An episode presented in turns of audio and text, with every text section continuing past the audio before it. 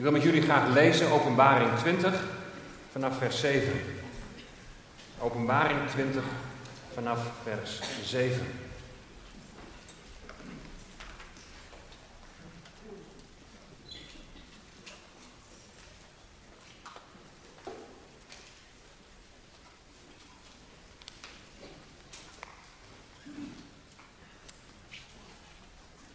En wanneer die duizend jaar tot een einde gekomen zijn, zal de Satan uit zijn gevangenis worden losgelaten. We hebben het hier dus over een toekomstige periode, datgene wat nog gaat gebeuren. En hij, dat is dan die Satan, die zal uitgaan om de volken te misleiden, die zich in de vier hoeken van de aarde bevinden, Gog en Magog, om hen te verzamelen voor de oorlog en hun aantal is als het land van de zee. En ze kwamen op over de breedte van de aarde en omsingelden de legerplaats van de heiligen en de geliefde stad. Maar er daalde vuur van God neer uit de hemel en dat verslond hen. En de duivel die hen misleidde, die werd in de poel van vuur en zwavel geworpen, waar ook het beest en de valse profeet reeds zijn. En ze zullen dag en nacht gepijnigd worden in alle eeuwigheid. En ik zag een grote witte troon en hem die daarop zat. Voor zijn aangezicht vluchtten de aarde en de hemel weg, zodat er geen plaats meer voor hen te vinden was.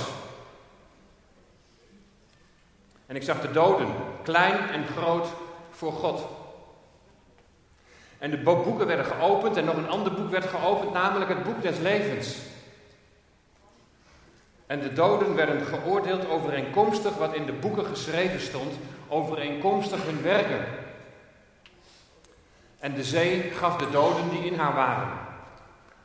Ook de dood en het rijk van de dood gaven de doden die in hen waren. En ze werden geoordeeld, iedereen overeenkomstig zijn werken. En de dood en het rijk van de dood werden in de poel van vuur geworpen. Dat is de tweede dood. En als iemand niet bleek ingeschreven te zijn in het boek des levens, werd hij in de poel van vuur geworpen. Tot zover de schriftlezing van deze morgen. Zalig zijn zij, gelukkig zijn zij die het woord van God lezen, maar ook het verlangen hebben om dat woord toe te passen in hun eigen dagelijkse leven en te luisteren naar wat God te zeggen heeft. Bij de Nederlandse gereformeerde kerk hier in Emmeloord, daar hebben ze een PIO,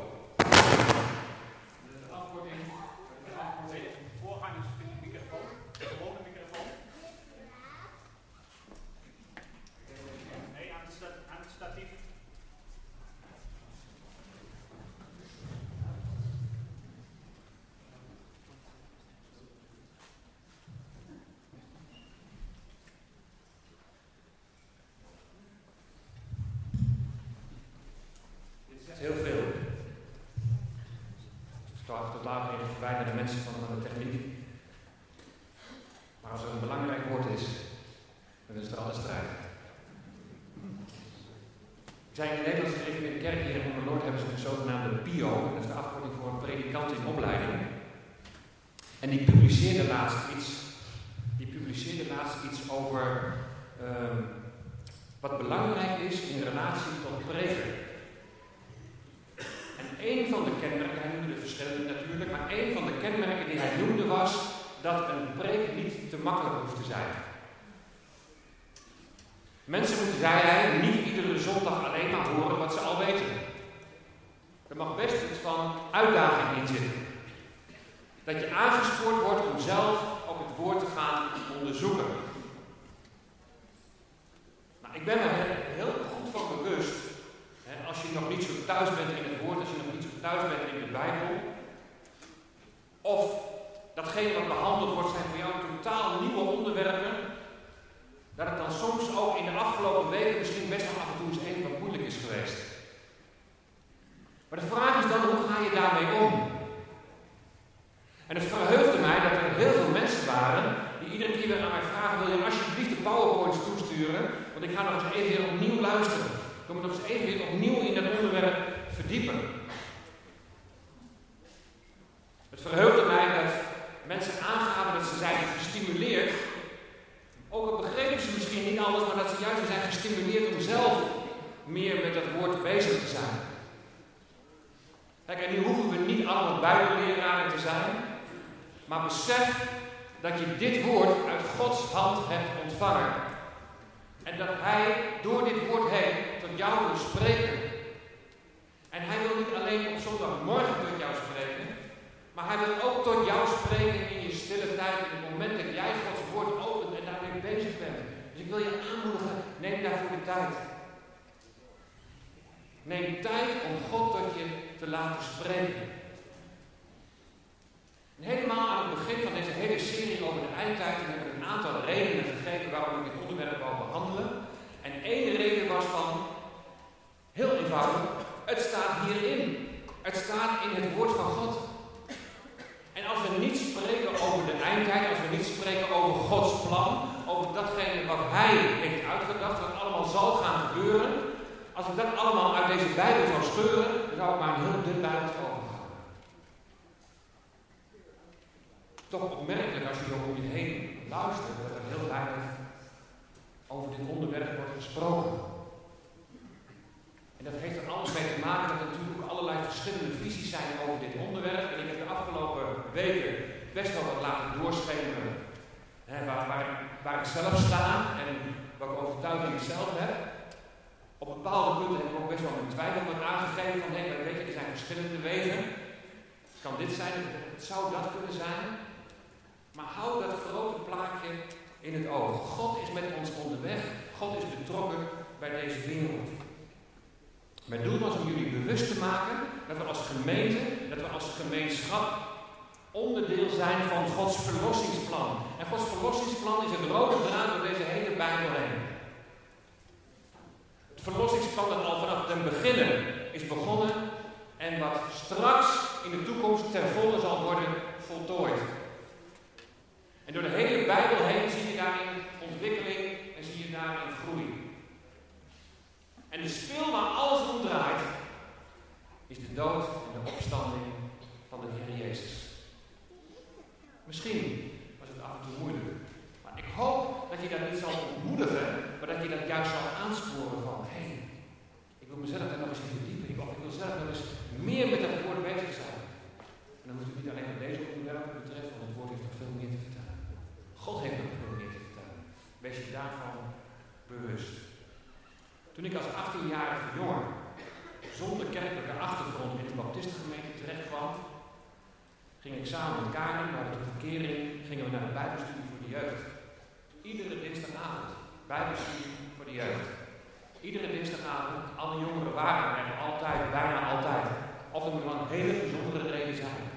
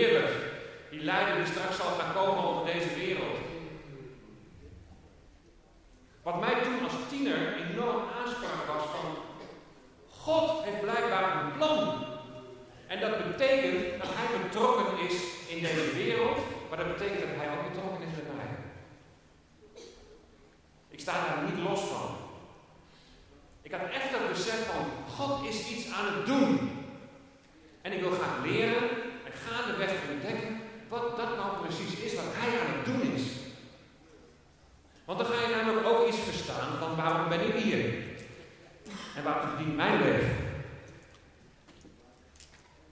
Hij is iets aan het doen. Hoewel je niet vrolijk wordt van al die oordelen waarover je leest in het boek Openbaring, is het uiteindelijk is het allemaal gericht op herstel. Dat het eens zo zal zijn zoals God zijn schepping heeft bedoeld. Een nieuwe hemel, een nieuwe aarde. En God is bezig zijn schepping te zuiveren, te reinigen, van kwaad te ontdoen. Als we dan zo dat lied met elkaar zingen, hè, maak mij rein voor u als gelouterd goud en zuiver zilver, dan betrekken we dat individueel op onszelf, maar dan zijn we ons ervan bewust dat we een onderdeel zijn van een groter geheel en dat God iets aan het doen is. Hij is aan het zuiveren, aan het reinigen, aan het, kwaad uit deze wereld te verwijderen en weg te doen. Een paar jaar geleden toen begeleiden wij een stel uit onze vorige gemeente en zij zei tegen ons, openbaring leest niet. Daar word ik bang van. Vorige week hoorde ik hier een soortgelijke opmerking. Wat mij in mijn tienerjaren juist zo bemoedigde, omdat ik ontdekte God heeft een plan, is klaarblijkelijk voor anderen verre van een bemoediging. Omdat openbaring laat zien dat er oordelen zullen komen over deze wereld. Omdat openbaring laat zien dat boze machten hun invloed over deze aarde uitoefenen en zullen uitoefenen. Er komen in die periode van verdrukking komen dan wel mensen tot geloof, ja zelfs een grote schade. Maar het beest uit de zee en die antichrist van dat toekomstige rijk, daarvan staat geschreven dat hij oorlog tegen hen zal voeren. Hij wil ze dwingen om dragende Satan te aanbidden. Alleen als je een merkteken draagt op je voorhoofd of je rechterhand, dan kun je kopen of verkopen. En dan hoor je mensen denken: wat staat me nog allemaal te wachten? Hoe dichtbij zal dat zijn? En dan kun je hier, als een struisvogel, kun je je kop in de grond steken en denken: ja, maar dat soort dingen wil ik niet lezen of dat wil ik niet horen. Maar dan sluit je je oren voor de boodschap van Gods woord. Want ook dat staat hierin. En is ook voor ons van belang om dat te lezen en te begrijpen.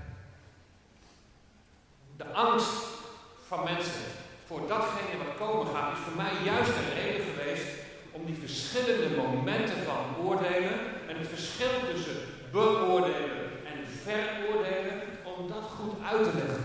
Om uit te leggen wat heeft nou wel op ons betrekking, wat heeft nou niet op ons betrekking. En ik heb vanmorgen in de, in de raadskamer ook weer gebeden, Heer, laat het zo zijn dat diegenen die onzeker zijn, maar die terecht of onterecht onzeker zijn, maar alleen op grond van het feit dat ze het woord van God nog niet begrijpen, dat ze vanmorgen mogen beseffen wat we bij het eerste lied hebben gezegd. Ik mag met volle vrijmoedigheid ingaan in het heiligdom door het bloed van de Heer Jezus. Dan ben ik gered. Maar dat anderen die de Heer Jezus niet kennen, vanmorgen, dat een appel in het hart mag gedaan worden. Dat dit een heel ernstige boodschap is. Boodschap van de grote troon. Ik geloof persoonlijk niet dat wij die Christus toebehoren, dat wij die hele verdrukking en die oordelen, die we vanaf openbaring 6 allemaal lezen, die daar beschreven worden, dat wij dat zullen meemaken. Ik kan me niet voorstellen dat wij samen met de ongelovigen nog onder die toren van God die over deze wereld komt, dat wij daar onder gebukt zullen gaan. Geloof dat wij eerder de Heer tegemoet zullen gaan om voor altijd bij Hem te zijn. En ik zou er nog wel tien verschillende redenen voor kunnen geven. Wij zijn bevrijd van die toren. Aan de andere kant zijn er teksten die ook wel wat ruimte laten. Zoals bijvoorbeeld 1 Thessalonicense 1 vers 10, waar staat dat Jezus ons verlost van de komende toren. Maar letterlijk staat daar in het Grieks het woordje ek. Het woordje ek betekent uit, vandaan. Dus betekent uit de komende toren, vandaan. Zie je, daarom zijn er ook mensen die zeggen van ja, maar zou ook nog wel eens gedurende die grote verdrukking kunnen zijn.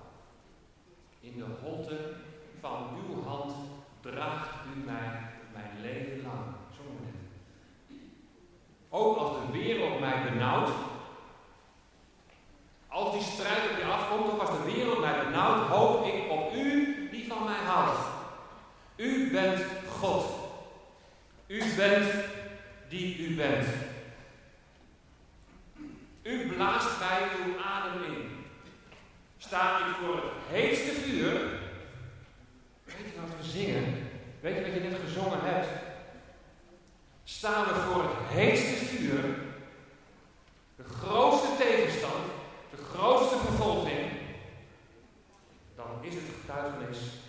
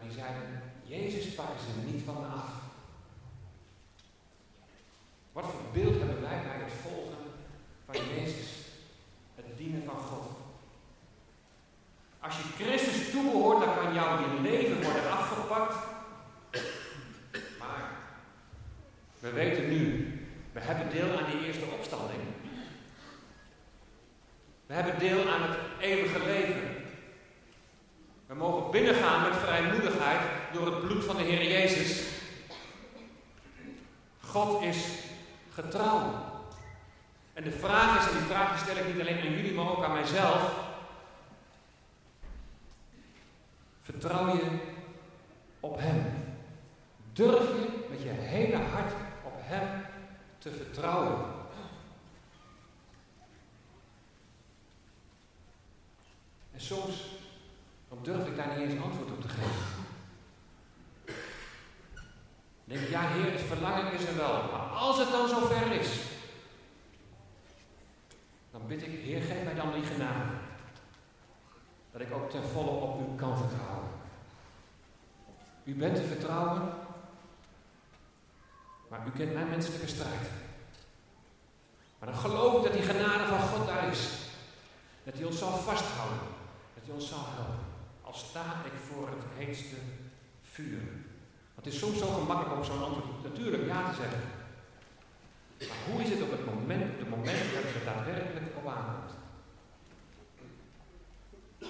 Zingen we dan nog met volle borst en van volle overtuiging. Groot is uw trouw, Heer, iedere morgen aan mij weer betoond. Kracht voor vandaag en blijde hoop voor de toekomst. Of het nu is voor of tijdens of na de grote verdrukking, durf je daarop te vertrouwen. We hebben de vorige keer gezien dat aan het eind van die verdrukking het beest en de valse profeet in de poel van het vuur worden geworpen. Het beest, dat is die antichrist die dan over deze wereld regeert, iemand die de politieke macht zal grijpen.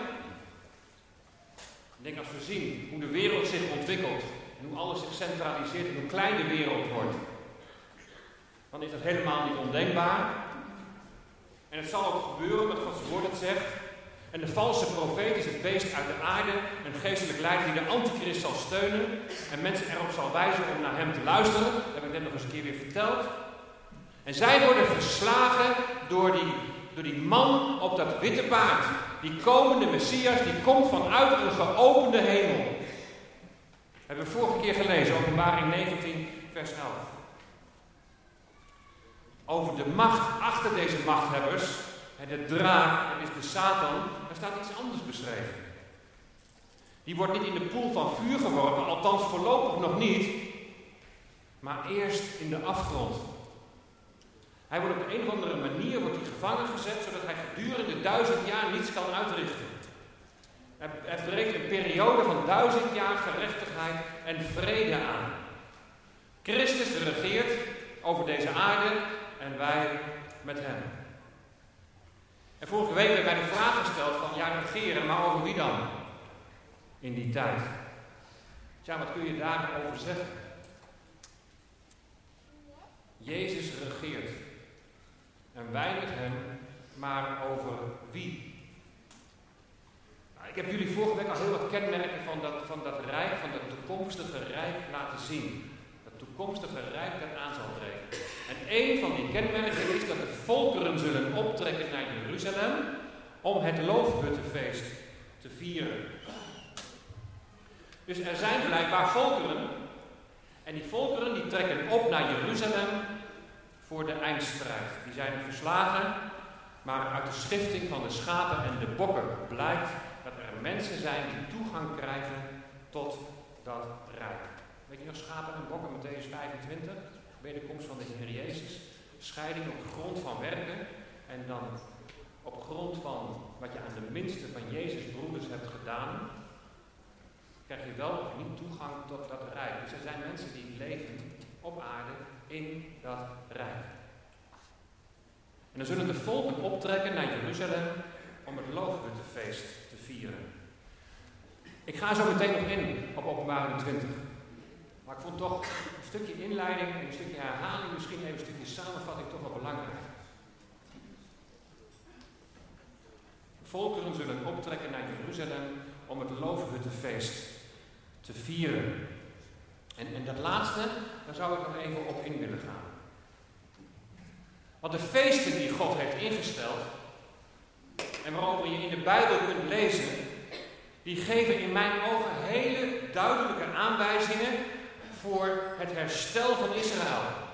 En dan met name rond die periode van Jezus' wederkomst en de aanvang van het duizendjarig vrederijk. God die heeft aan zijn volk opdracht gegeven om feesten te vieren.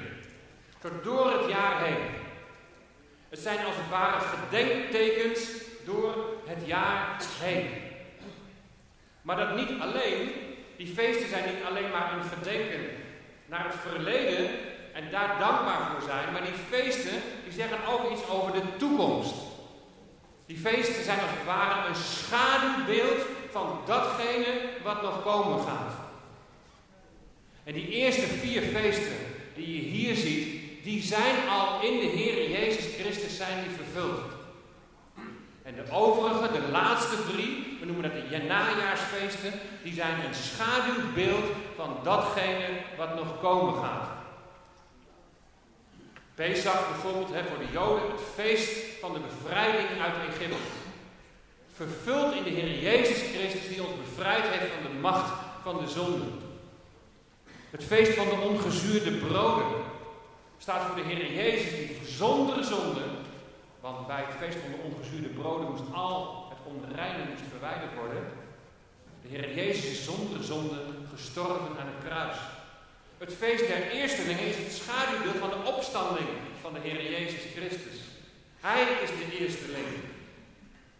En het feest der weken kennen wij als het Pinksterfeest. De uitstorting van de Heilige Geest. Het feest van de oogst. De oogst die binnengehaald zal worden. Mensen die hun leven zullen geven aan de Heer Jezus. Dus die voorjaarsfeesten zijn feesten die al in vervulling zijn gegaan. En ik, ik besef, ik ga er nu even met zeven mijlslagen doorheen. Maar als je je hierin gaat verdiepen, dan zul je zien dat God een heel nauwkeurige kalender erop nahoudt. En dat alles precies op het moment gebeurt dat Hij van tevoren heeft bepaald. God heeft een plan. We leven hier niet zomaar. Het feest, de volgende drie feesten. Het feest van de bazuin. Het feest dat de bezuin zal klinken. Het allereerste wat nu in vervulling zal gaan. Het feest dat de bazuin zal klinken. En de aartsengel zal roepen. En wij de Heer tegemoet gaan in de lucht. Maar daarna, de grote verzoendag. Hij reageert het zo mooi. Hij zegt, zo, de Heer tegemoet in de lucht. Het zal bijzonder zijn, hè? kunnen het ons nauwelijks beseffen. We gaan Hem tegemoet om voor altijd bij Hem te zijn. En daarna de grote verzoendag, de wederkomst van de Heer Jezus Christus. De grote verzoendag en dan, dan komt het herstel van Israël. Het is het feest van de verzoening zal dan plaatsvinden in de toekomst voor zijn volk. De geest der genade zal over dit volk worden uitgegoten. Ze zullen tot herstel komen. Het herstelplan voor zijn volk in het beloofde land wordt ten volle ingezet. En dan aansluitend na vijf dagen het Loofhuttefeest, Sukkot. En Sukkot betekent tabernakels of hutten. En, en, en het Loofhuttefeest is een feest van grote blijdschap. En de kern van de tabernakel is dat God onder zijn volk wil wonen. God komt in de Heer Jezus Christus onder zijn volk wonen. Hij komt naar ons toe. De troon van de Messias zal staan in Jeruzalem. Er zijn hele goede redenen om aan te nemen dat het Loofhuttenfeest samenviel met de geboorte van de Heer Jezus. Ook al eens een keer over gehad met kerst. Kun je nog herinneren, podium met brood, brood des levens. Kern is, God kwam in Jezus bij mensen wonen, onder de mensen wonen. En nu bij de wederkomst van de Heer Jezus zien we weer hetzelfde. Het loofhuttenfeest. God komt onder de mensen wonen in zijn zoon die komt om te regeren. Destijds kwam hij als lam, geslacht en nu als leeuw van Juda om te regeren. Jezus de koning. Als het vrederijk er is, dan zullen alle naties verplicht zijn om op te trekken naar Jeruzalem, om daar eer te bewijzen aan de Messias koning, Jezus. die dan daadwerkelijk koning zal zijn over deze aarde. En we hebben gezien, dat duizendjarige rijk is nog niet volmaakt, er wordt nog gezondigd, er sterven nog mensen. En dan lezen we nu wat aan het eind van die duizend jaar gebeurt. Openbaring 20 vanaf vers 7. En wanneer die duizend jaar tot een einde gekomen zal zijn, zal de Satan uit zijn gevangenis worden losgelaten. En hier zie je duidelijk ook dat het duizendjarige rijk nog niet het eindstation is. Het is nog niet de volmaakte situatie waar al het kwaad is uitgebannen. Wat deze Satan dan doet, dat lezen we in het volgende vers. En hij zal uitgaan om de volken te misleiden die zich in de vier hoeken van de aarde bevinden, Gog en Magog, om hen te verzamelen voor de oorlog. En hun aantal is als het land van de zee. Satan die slaagt er dus nog in om een heel massaal leger te mobiliseren. Hun aantal is als het zand van de zee. Zijn dan de volken die zich in de vier hoeken van de aarde bevinden, zijn dat dan de volken die de wederkomst van de Heer Jezus hebben overleefd? Ook weer van die verschillende visies daarover. Is, is, is het dat deel van de mensheid dat niet deelgenomen heeft aan de slag bij Armageddon? In Joodse bronnen, ook best wel interessant, in Joodse bronnen worden de vier hoeken van de aarde, die worden beschouwd als de poorten van de onderwereld. En als je dan het volgende vers leest, en zij kwamen op, in vers 9, dan brengt hen dat tot de uitleg en het gaat om een leger van demonen. Maar, als je verder kijkt in het boek Openbaring, worden met volken, daar worden altijd mensen bedoeld. Ze worden hier aangeduid als Gog en Magog. En daarover kun je ook lezen in Ezekiel 38 en 39. En Gog en Magog staan in de volking uit het noorden die ten strijde trekken tegen Israël. En vaak is dan de uitleg dat het zou kunnen gaan om Rusland of de voormalige Sovjet-republieken, islamitische Sovjet-republieken. Hier in de openbaring is het breder dan alleen maar het noorden. Hè, want het gaat over de vier hoeken van de aarde gaat het. Gog en Magog staat in ieder geval beeld voor Gods vijandige volken die optrekken naar Jeruzalem.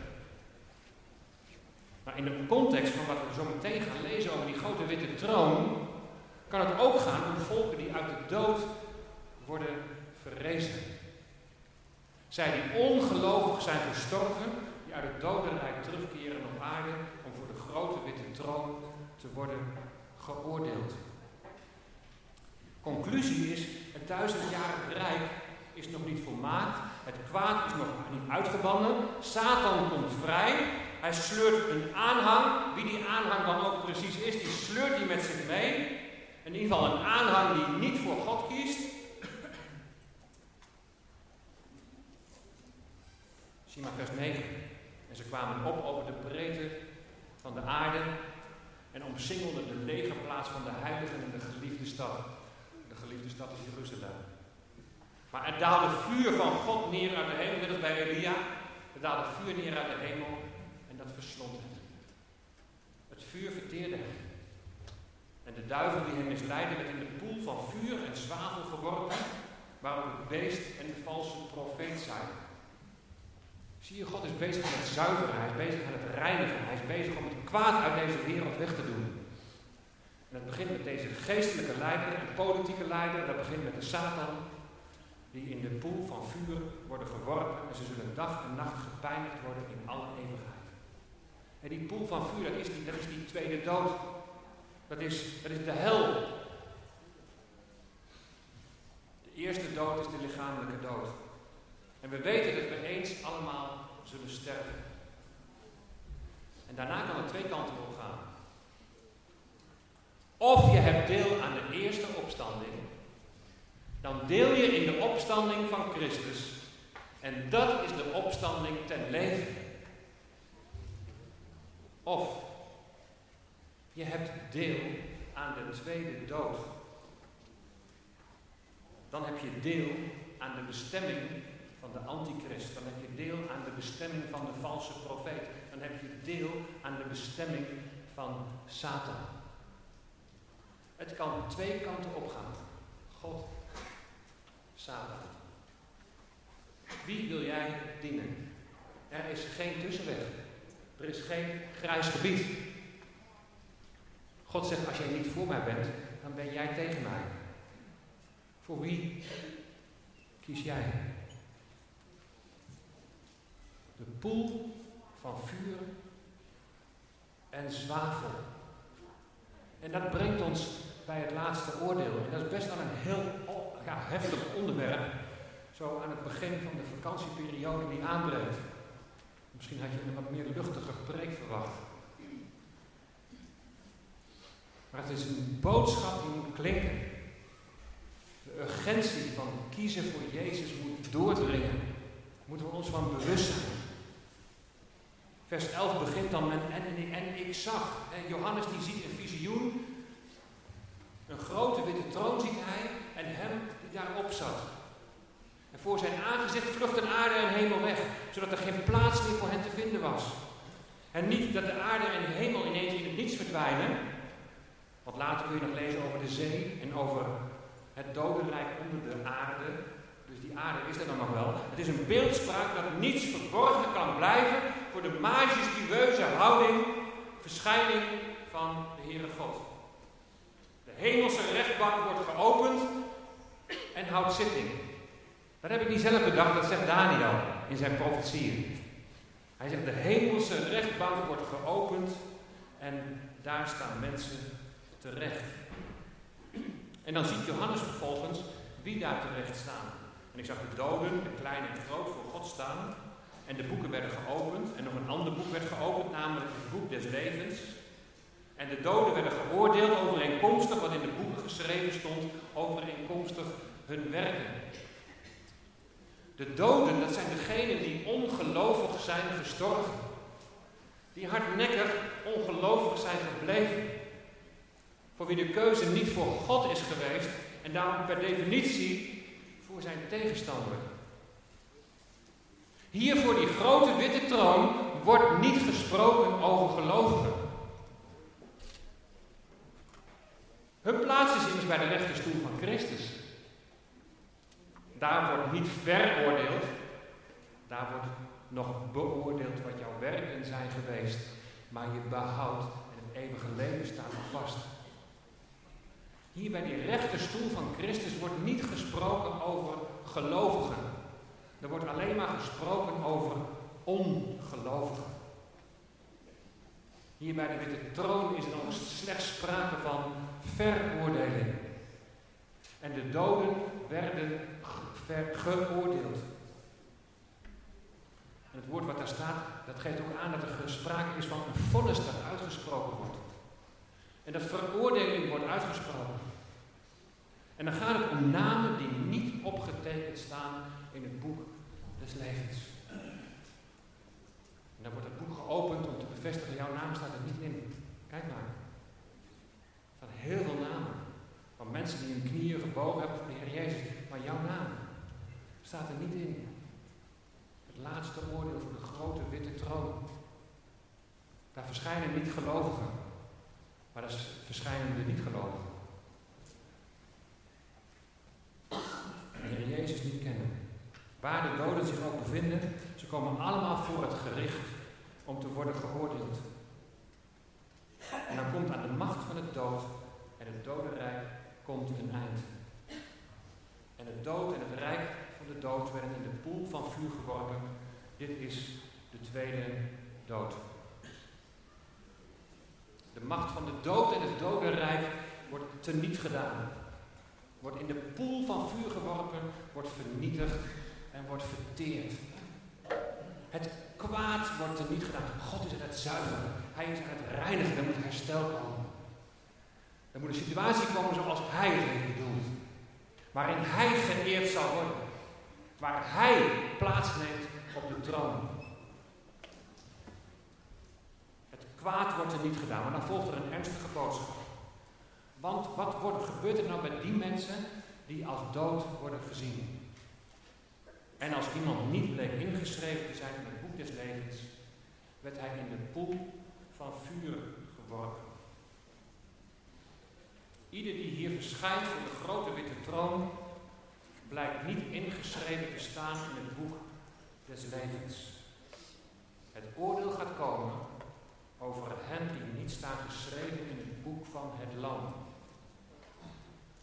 Die zich in hun leven niet hebben overgegeven aan de Heer Jezus Christus. Die zijn genade en vergeving niet hebben aangenomen. Dus als jij wel ingeschreven staat in het boek des levens, zul jij op deze plek niet komen. Wat een bemoediging. Dan kom je niet onder het oordeel. Omdat het oordeel op Christus is gekomen in plaats van op jou. Als je niet gelooft en de Heer Jezus afwijst, wees je daar heel goed van bewust. Dan zul je het oordeel zelf moeten dragen. Dan heb je niet deel aan die eerste opstanding, maar dan heb je deel aan de tweede dood. En lieve mensen, dit is een hele ernstige boodschap. Het is een zaak van leven of dood. Hemel of hel. God of Satan. En de Bijbel schildert ons heel zwart-wit. Een grijs tussengebied is er niet. Aan welke kant staat, sta jij? En wat doet het met je als jij de Heer Jezus Christus nog niet kent als je redder en verlosser? Een keuze voor Hem is van levensbelang. Dan kun je misschien zeggen, ja, maar moet je keuze voor Hem? Moet dat dan gebaseerd zijn op angst? Op angst voor die tweede dood, op angst voor die veroordeling? Nou, je hebt in ieder geval heb je heel veel redenen, als je nog niet gelooft, om heel onrustig en heel onzeker te worden. Laat het heel duidelijk zijn, maar ik mag je ook wijzen op de positieve kant van een keuze voor de Heer Jezus. En het duizendjarige rijk, het feest, het geeft aan, God wil onder mensen wonen. Hij wil woning in jou maken. En we hebben gezongen, in uw aanwezigheid kan ik daar ooit zijn, want ik ben een mens, zondig en onrein. En dan is het antwoord, ja, dat kan. Want uw zoon, want u gaf uw zoon om in mijn plaats te staan. En door wat hij deed mag ik binnengaan. Hoe komen mensen tot bekering? Hoe komen mensen tot geloof? De geest waait waarheen hij wil. Daar is geen vast systeem voor. Ik hoorde laatst een preek van de nieuwe directeur van, uh, van OM. En die zei van, ik ben tot geloof gekomen uit angst voor de hel. Ja, dat hij misschien niet een goed motief. En ik kijk er nu ook weer anders tegenaan. Ik kijk er nu veel meer van de positieve kant dat de Heer Jezus mijn, mijn verlosser is en dat Hij mij wil redden. Maar aan de andere kant, de geest waait waarheen Hij wil. Misschien moet voor jou vanmorgen deze boodschap wel klinken. Dat het verschil is tussen leven en dood. Hoe komen mensen tot bekering? Hoe komen mensen tot geloof? De geest waait waarheen hij wil. Hij wil jouw hart overtuigen van zonde van gerechtigheid, van oordeel. Hij wil jou overtuigen, als je de Heer Jezus niet kent, dat er maar één weg is tot redding. Dat er maar één weg is tot behoud. Dat is de Heer Jezus. God kan een verlangen in je opwekken om in zijn tegenwoordigheid te zijn. Een verlangen om met hem te leven. Maar dan zal hij altijd laten zien dat je maar op één manier tot hem kunt komen.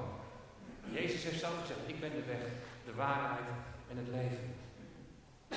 In het offer van Jezus is het oordeel op hem terechtgekomen. En daardoor komen wij niet meer onder de toeren van God. Wat een genade. Ik heb meerdere keren getuigenissen gehoord van mensen die zich hardnekkig van hem afkeerden en die in een visioen de hel hebben gezien. Ik heb zo'n getuigenis ook gehoord van een mens Christ die zich christen noemde. Maar die twee gezichten had. En die theorie zei van ik geloof in God en ik geloof in de Heer Jezus. Maar zijn, maar zijn leven was een vraagteken. Werkt het leven van God echt in mij door? En hij zei hevig geëmotioneerd tegen mij. Toen God in zijn leven ingreep, hij zei Bert, ik heb letterlijk de hel gezien. Hij zei, ik heb de hele nacht heb ik gebeden. En toen liet God mij Psalm 51 zien. Psalm, de boetepsalm van David. En ik had het gelezen, zegt hij. En daarna ben ik de hele dag doorgegaan om de Heere God te loven en te prijzen en te danken. En vanaf die dag was zijn leven anders. De geest waait waarheen hij wil. Maar de geest schenkt leven, wil leven schenken in ons. Loof feest, het feest van de vreugde, dat God bij ons wil wonen, wij in zijn tegenwoordigheid kunnen zijn. Het oordeel, de hel, het is allemaal realiteit. Ervaar deze morgen met deze boodschap als een roep van God om je tot Hem te bekeren als je dat nog niet hebt gedaan. Omarm het verlossende reddingswerk van de Heer Jezus Christus. Beleid je zonde, bid om vergeving en vraag om vervuld te worden met de Heilige Geest. Wat doet het wat we net gelezen hebben met jou als je al wel deel hebt aan de verlossing van de Heer Jezus? Als je erbij bepaald wordt dat zoveel mensen om je heen die tweede dood tegemoet gaan. Ik heb er voor mezelf ook over nagedacht. Is dit iets wat mijzelf bezighoudt?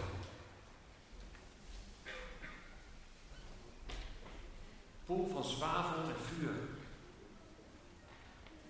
Heb je een vader die niet gelooft? Een moeder die niet gelooft? Zus? Misschien denk jij wel aan je eigen kind. Een zuster bij ons in de gemeente was een keer zo mee bewogen. Ze was zo in tranen. En ze zei van, mijn kind wil de Heer Jezus maar niet aannemen. Maar, ik heb mijn kind toch niet gebaard om straks naar de hel te gaan. Zie je die bewogenheid gewoon, weet je? En wat, wat doen we met dit gegeven? Waarschuw je mensen om, om een keuze voor de Heer Jezus te maken? Wat doe je als er een brandend huis is en mensen bevinden zich daarin? Probeer je toch te redden, dan probeer je toch. En je probeert anderen te zeggen: ga niet naar binnen toe, want dat moet je niet doen, gaat niet goed. Laat het dan wel zo zijn dat je tegelijkertijd iets kunt laten zien. Dat mensen iets kunnen ervaren van de rijkdom die jij in Christus hebt ontvangen. Dat je iets van zijn glorie weerspiegelt. Dat je iets van Jezus laat zien dat mensen jaloers maakt. En van daaruit mensen het verlangen krijgen om ook jouw God te kennen. Zoals ik al vaker heb gezegd, je kunt alleen iets doorgeven wat je zelf hebt ontvangen. Wat doet deze boodschap met je als je beseft dat mensen die jou dierbaar zijn, dat die dat eeuwige leven niet zullen beërven, maar dat die verloren zullen gaan? Hoe urgent leeft dat in ons hart? Laten we daar gewoon voor de komende tijd, misschien in de vakantieperiode, daar gewoon eens over nadenken. Wat is mijn getuigenis? Hoe sta ik in deze wereld? Heb ik echt het verlangen om God te dienen? We hebben net twee jonge mensen gezien die dat verlangen hebben uitgesproken. We zijn op zoek. Tuurlijk, we zijn onderweg. Het gaat met vallen en opstaan. Maar we spreken uit, Heer, we willen u dienen. We willen u volgen. Wat betekent dat? Laat u het maar zien. Is dat ook jouw verlangen? Niet twee gezichten, maar oprecht. Wat betekent dat voor ons getuigenis? Naar die wereld om ons heen.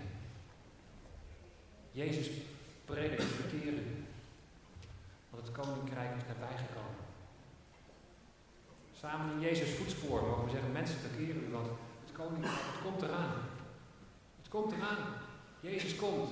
Ben je bereid om Hem te ontmoeten? Laten we samen als gemeente, als gemeenschap in ons woont door zijn Heilige Geest, dat we iets van Hem mogen weerspiegelen. Opdat de wereld mag weten, Jezus leeft. En daarom uh, gaan we zo meteen ook zingen. Vul dit huis met uw glorie. Vul dit huis met uw glorie. Vul dit huis met uw aanwezigheid. En dan dit huis, is jouw lichaam. Dit huis, dat is een, de tempel van de Heilige Geest.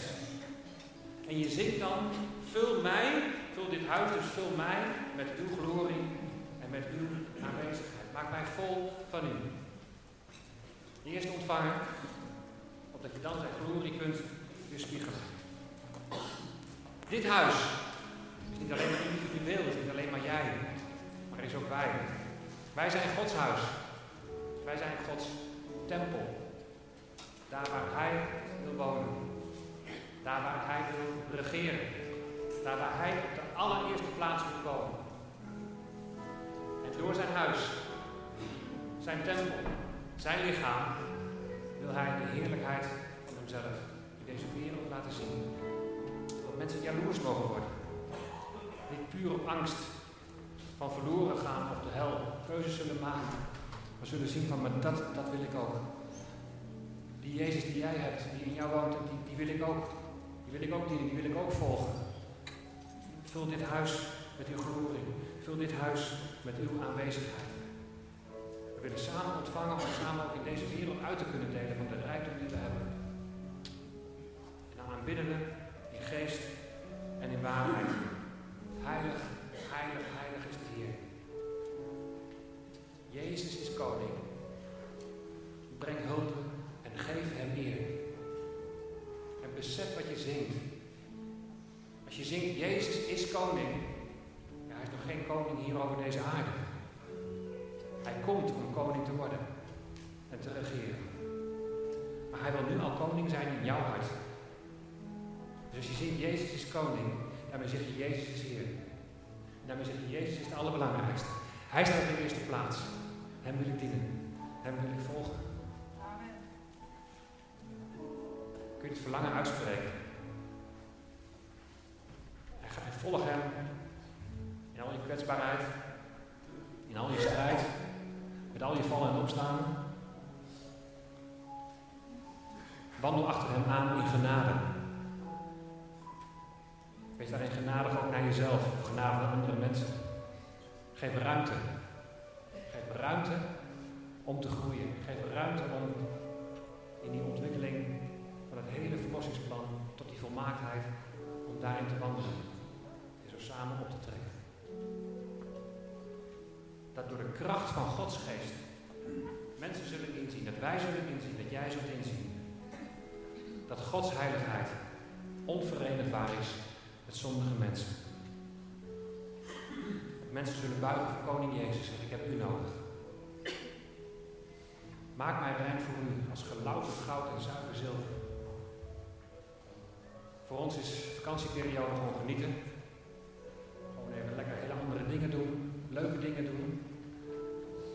Vaak een tijd van bezinning. Tijd van even stilte, even stopgezet worden. Heer, wat gaat u doen? Doe uw werk in ons. Doe uw werk in mij. Zullen we samen zo gaan zingen? Vul dit huis met uw glorie. Daarmee zegt, zegt u, vul mij met uw glorie. Maak mij vol van u. We zingen het samen. Samen in Jezus voetspoor. Vul dit huis met uw glorie. Samen met elkaar. Vul dit huis met uw glorie. Jezus is koning. Breng hulp en geef hem eer. Dank u wel, Vader, we komen voor uw troon. We hebben vanmorgen zo'n ernstige boodschap gehoord. Het is een boodschap leven en dood. Ik wil u bidden, je werkt door in hart. Openbaar uw glorie. Laat zien dat uw aanwezigheid onverenigbaar is met zondige mensen. Maar dat er redding is door het bloed van het lam. Dat er alleen redding is omdat het oordeel op u gekomen is, Heer Jezus. Zo zijn wij vrijgesproken. Heer, voor dit huis, voor mij, voor ons, vul ons met elkaar met uw glorie en uw aanwezigheid. Opdat wij iets mogen weerspiegelen van die heerlijkheid die u wilt verspreiden. Opdat u verheerlijkt wordt, opdat u verheerlijkt wordt, want daar gaat het om. Geprezen zijn.